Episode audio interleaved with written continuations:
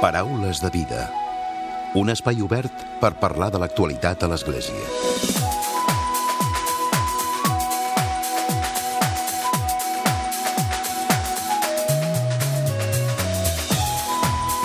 Què tal? Salutacions i molt bon dia, molt bon diumenge. Com cada any, per aquesta època, a principis d'any, Mans Unides convida diferents missioners i missioneres per tal de presentar la seva campanya anual i per conèixer la tasca social i solidària que realitzen arreu del món.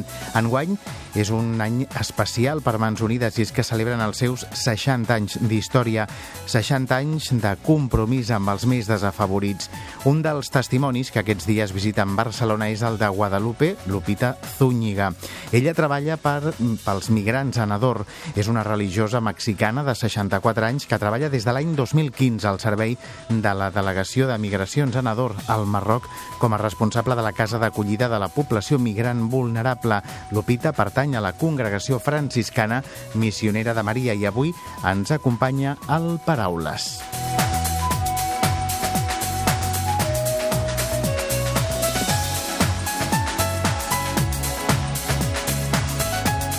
I com sempre, a la recta final del Paraules arribarà un nou comentari de l'actualitat de Francesc Romeu. Comencem.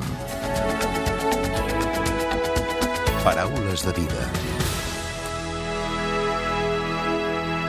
Lupita, buen día, buenos días. Buenos días. Hablamos de estos días, esta se encuentra en Barcelona para dar apoyo a, a la campaña de Manos Unidas, ¿no? Sí, Su sí. campaña anual. Sí, exactamente. La campaña anual de 60 años, como, cuyo tema tiene la mujer, que es muy importante, la dignidad y la, la buena conducta de- con respecto de todo el mundo hacia la mujer, hacia los niños, tratarla como un ser humano, como se Eh, merece. el respeto, al- igualdad el respeto a, a los colectivos más vulnerables, ¿no? a los más vulnerables, eh, claro. Sí, sí. Como decíamos, eh, su trabajo se, se centra en Nador. Sí, Y estos días viene a Barcelona para dar apoyo y también para explicar y sensibilizar un poco sobre, Sobre el trabajo y la situación. que hay allí, ¿verdad? Exacto, exacto, sí, sí, sí. Sí, trabajo en Nador desde hace- cuatro años. El señor obispo Agrelo nos ha invitado a participar, a ayudarles en esta, en esta labor tan loable de la Iglesia que es humanitaria, caritativa, acompañando a los migrantes que pasan por ah, Marruecos, especialmente en las montañas de Nador, para poder pasar a España. Es, un lugar de paso. Es un lugar de paso. Nador no se quedan a vivir, eh, están de paso, son pasajeros. Sí. ¿Y cómo es la, la realidad allí en Nador? Es muy cruda como en como en todo, como ya sabemos, en todos los países donde hay migración, sufren mucho eh, desde que salen desde sus países, que hasta que llegan a, a Nador o hasta que logran pasar del otro lado, que es acá, que ellos llaman la Gran España, hasta que llegan a España es un recorrido de mucho sufrimiento. Las mujeres pasan muchas humillaciones, no tienen derechos, eh, pues mm, son violentadas en todos sentidos, en físico, moral. Eh, bueno, ellas y los hombres y los niños, pero bueno, las mujeres la, la, la, la parte más vulnerable de, de todo de todos ellos, de todo ese continente de migración y pues de verdad que, que la pasan muy mal, la pasan muy mal. Después, pues senador ah, viven en los montes, viven en los montes esperando salir para España. Viven en los montes. ¿Y cuáles son las condiciones en las que viven? Mm, pues es condiciones mm, de precariedad, Mm, no tienen lo necesario para vivir, o sea, lo básico, alimento, comida, bebida, abrigo. Viven en casas de campaña o en ¿Tiendas de campaña o como Sí. campamentos? Como campamento, exactamente. Que ellos construyen con madera, con cobija, y entonces nosotros allí vamos y les acompañamos, les ayudamos y les proporcionamos, no todo, porque no podemos dar a todos, pero se les acompaña y se les. Nuestra labor es humanitaria, eh, ayudarles a que no pasen frío, ayudarles un poquito a que puedan comer algo y, a sostenerlos en su marcha hacia, hacia donde vayan.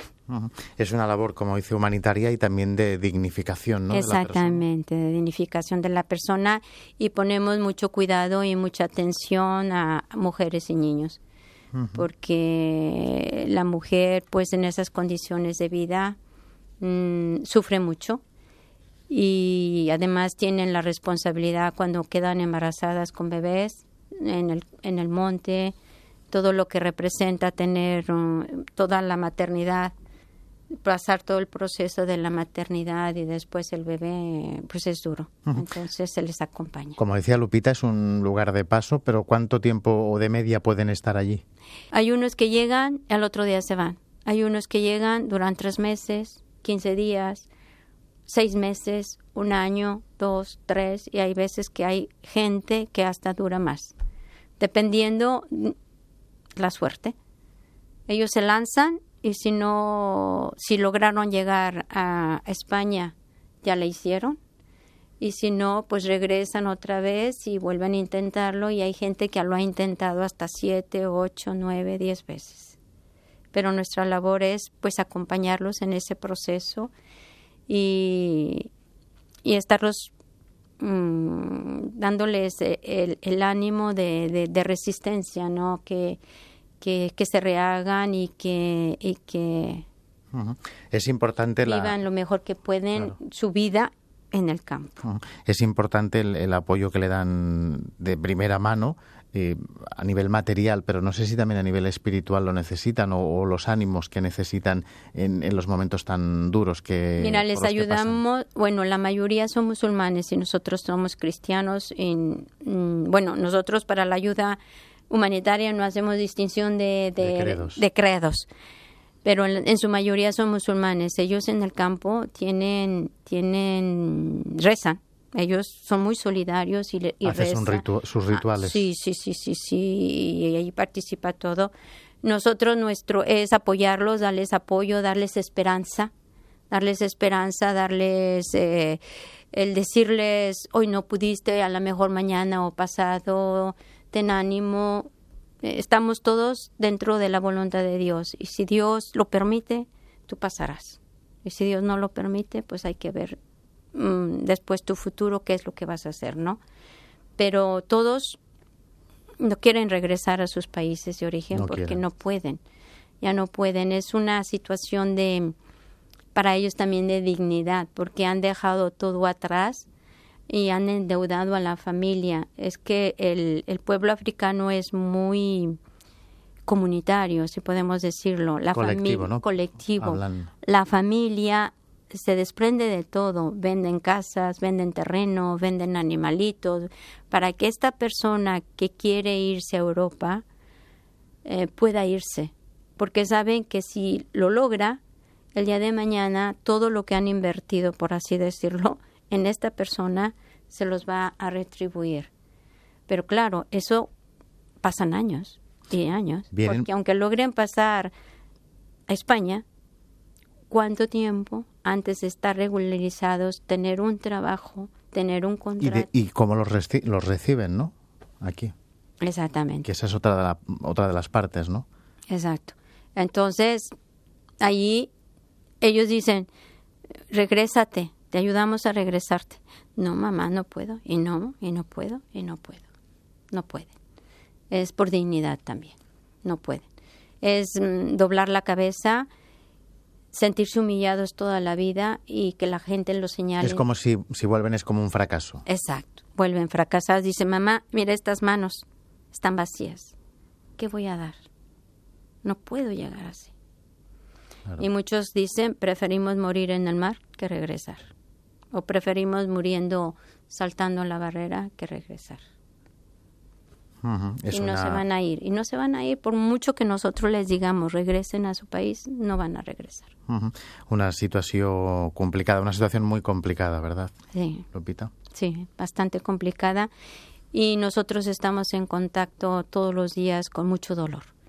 Cada persona, cada migrante que pasa es una historia de vida triste y si la gente supiera todo lo que viven, todo lo que pasan desde que salen, aún ya dentro de sus países, todo el sufrimiento que traen, todo lo que tienen que pasar hasta que llegan a España, a la gran España como ellos llaman, eh, yo creo que lo veríamos con otros ojos. Otros ojos. No, no somos conscientes aquí del, del drama que, que, llevan, que les acompañan. Yo creo que no. Muchas veces. En eh, España y en Europa. En todo el mundo, sí.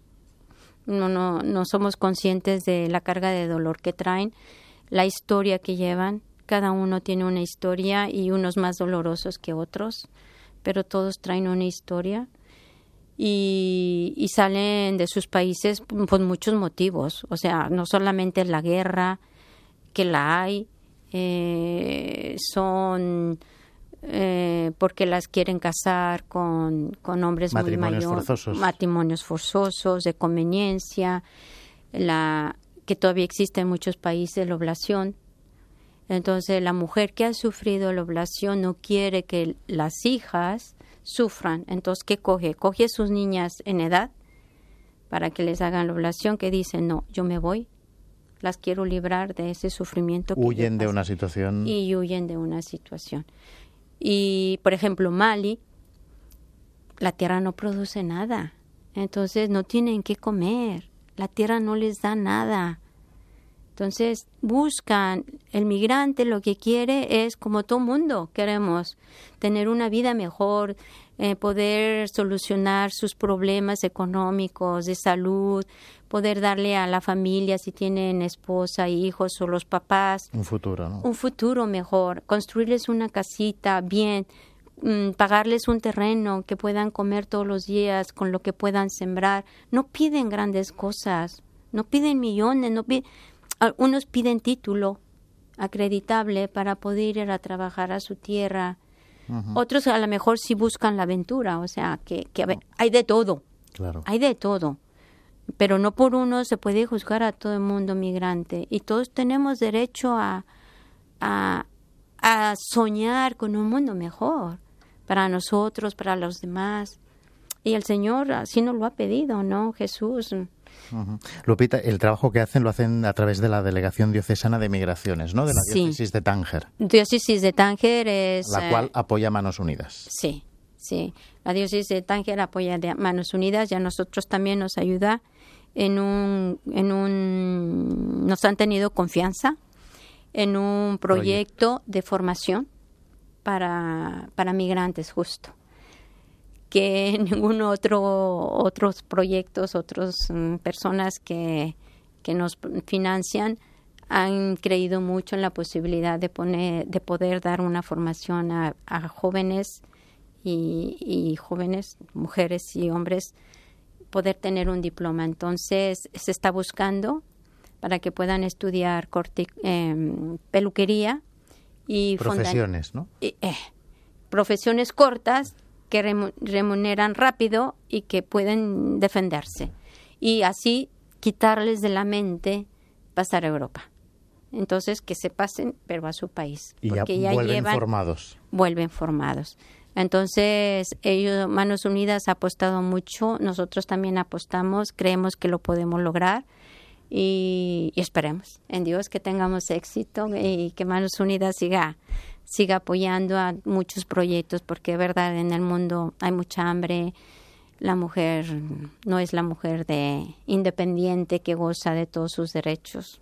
Y hay muchos que una vez se forman desean volver a su país a su tierra mira es, nuestra, familia. es nuestra primera experiencia, y pero sí dicen que si tienen algo regresan regresan. Entonces queremos apoyar a esos poquitos que que sienten que pueden que pueden y que, y que pueden que pueden hacer algo. Según las cifras que nos pasaban estos días Manos Unidas, hay 55 campamentos con una población de entre 2.500 y 3.000 personas. Más o menos, sí. Es una realidad grande, ¿no? Sí, pero son pasajeros todos. ¿eh? Todos pasajeros, pasantes. O sea, nadie podemos saber cifras exactas. ¿eh? es, una, es, una, cifra estimativa. Eh, flotante. Pasan, pasan, pasan, pasan, pasan, pasan, pasan.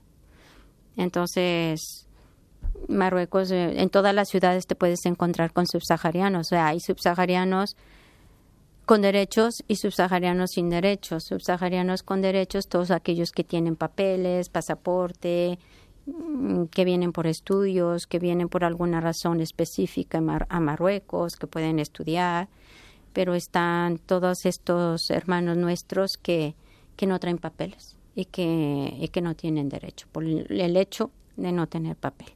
¿Y ante esa situación? Pues no podemos hacer nada. Ahí sí que. Ahí ya no pueden llegar. Eso ya es cuestión de otras, otros asuntos. Y hoy a la gente que, que, le esté escuchando a través del programa, a través del Parábolas de Vida, el programa religioso, ¿qué les diría para que hoy con su testimonio está explicando el trabajo que hacen allí y la importancia del apoyo que reciben, en este caso de, Manos Unidas, para la gente que le, que le oye y que seguramente es sensible y piensa y sabe que es importante el trabajo que hacen desde, desde Manos Unidas. Pues yo pienso que, mm, que la gente que tenga confianza en Manos Unidas, que colabore con Manos Unidas, que que compren sus productos, que compren su lo que ellos hacen, porque si no quieren ayudar con donativos personales, que lo pueden hacer, la gente que puede que lo haga, pero que compren sus productos porque mínimo que sea, se va juntando el dinero y se puede ayudar a muchísima gente, a muchísima gente que, que de verdad necesita de que otras gentes crean en ellos, de poder mm, creer que los proyectos pueden sacar adelante a la gente, que, que se puede cambiar un mundo, que podemos hacer un mundo mejor, que necesitamos justo lo que dice, manos unidas en solidaridad, en comprensión, eh, en amor y ayudándonos unos a otros, porque si no, amar al prójimo. El Señor nos vino a enseñar a amar al prójimo. ¿Y quién es mi prójimo? El que tengo al lado, el que sufre, el necesitado, que viene y toca mi puerta. Y no mm. tratarlo ni de sucio, ni de cochino, ni de, ni de pobre, ni de... Eh, es su condición. Mm. Y como decía antes, ¿no? Eh, la carga de dolor que llevan. Si yo digo que si detrás de cada hermano subsahariano, de cada persona que tocara nuestra puerta, yo no veo a un mendigo que viene a molestarme, si yo veo, ya es mucho pedir el rostro de Jesús, bueno, qué bueno, ya cambiaría mi actitud hacia él. Pero veo a una persona que me está pidiendo con dignidad porque no tiene que comer, porque no tiene... Una persona que tiene dinero no pide. Una persona que come no pide.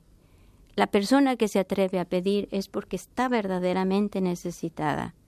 Y, no hay que tratarlo, yo digo a veces, no les compremos nada si están en la calle o eso, pero sonríeles, salúdales, dales una palabra de aliento. un gesto, ¿no? De, un gesto de humanidad. Los ignoramos.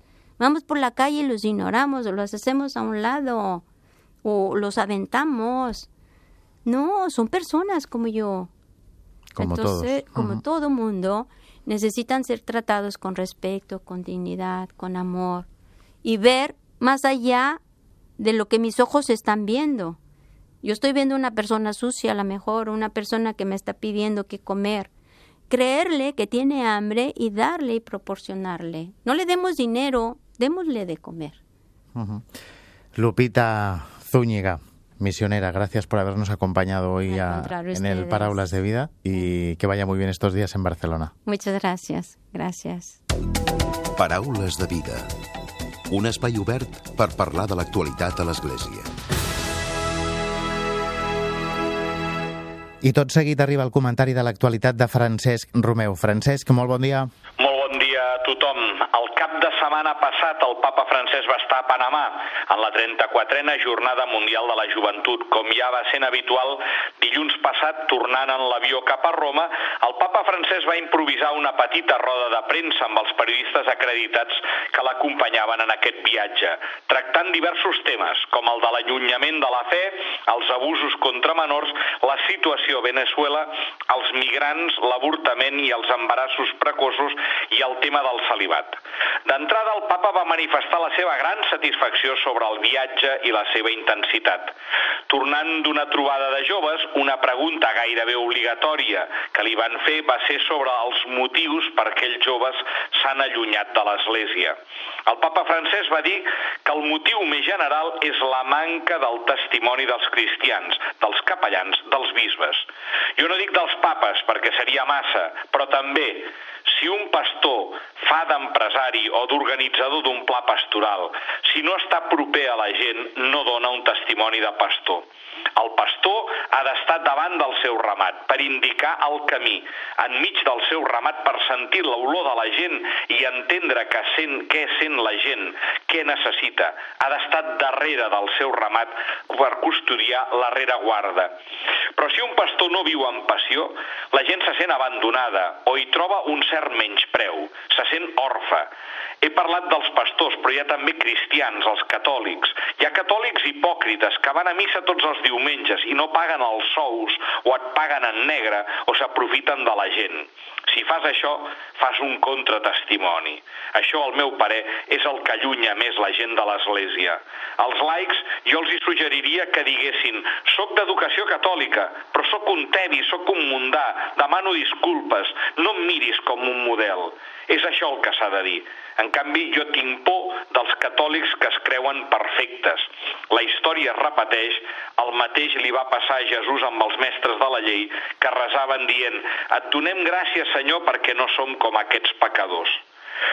Tenint en compte que d'aquí uns pocs dies s'iniciarà a Roma una trobada de tots els presidents de les conferències episcopals de tot el món sobre el tema dels abusos a menors perpetrats per eclesiàstics, el papa va dir que aquesta idea va sorgir del grup dels cardenals que assessora el papa, l'anomenat C9, perquè van veure que alguns bisbes no entenien bé o no sabien què fer si van fer alguna cosa bona o alguna cosa incorrecta.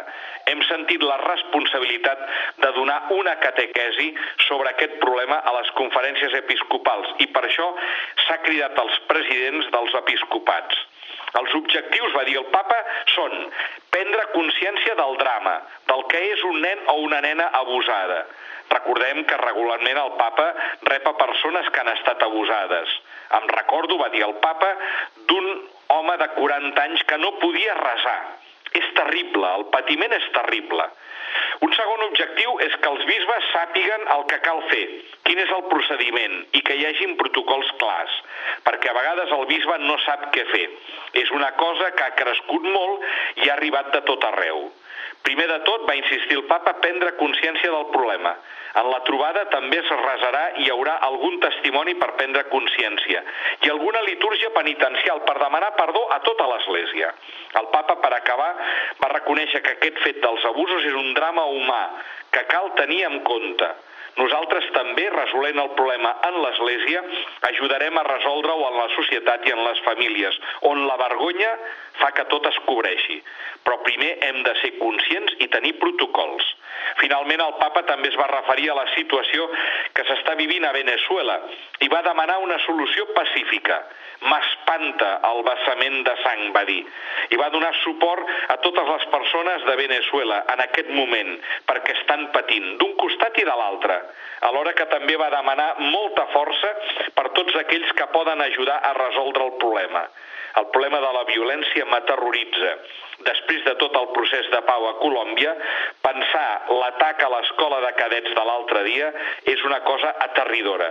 Per això he de ser, no m'agrada dir la paraula equilibrat, va dir el papa, sinó que vull ser pastor. I si hi ha necessitat d'ajuda, que la demanin de comú acord, va afirmar. Molt bon diumenge a tothom.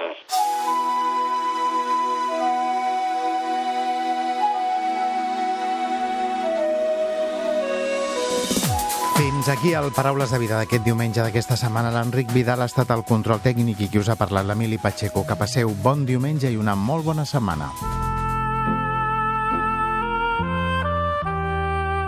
Us oferim la carta dominical de l'arcabisbe de Barcelona, Joan Josep Omella.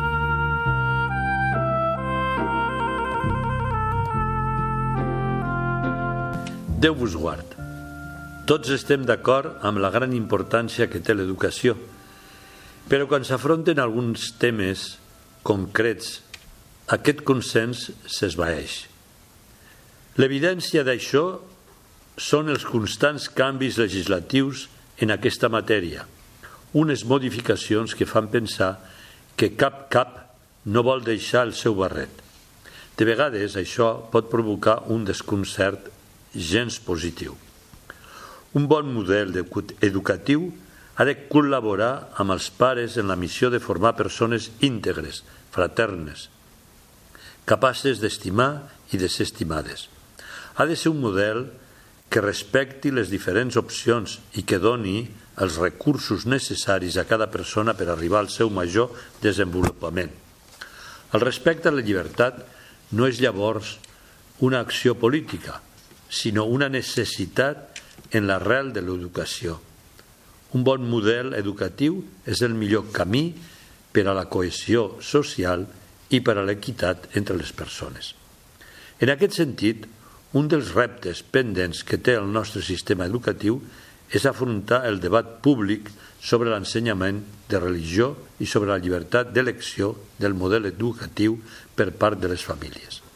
En realitat, és un debat en gran part ja resolt per nostre ordenament jurídic. L'article 16 de la Constitució reconeix la llibertat religiosa i la confessionalitat de l'Estat en el marc de l'anomenada laïcitat positiva.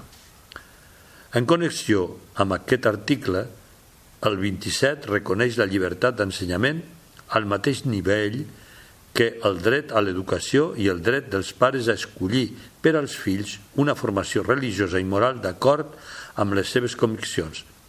I els articles 21, 2 i 42, 7 de l'Estatut de Catalunya estan en la mateixa línia.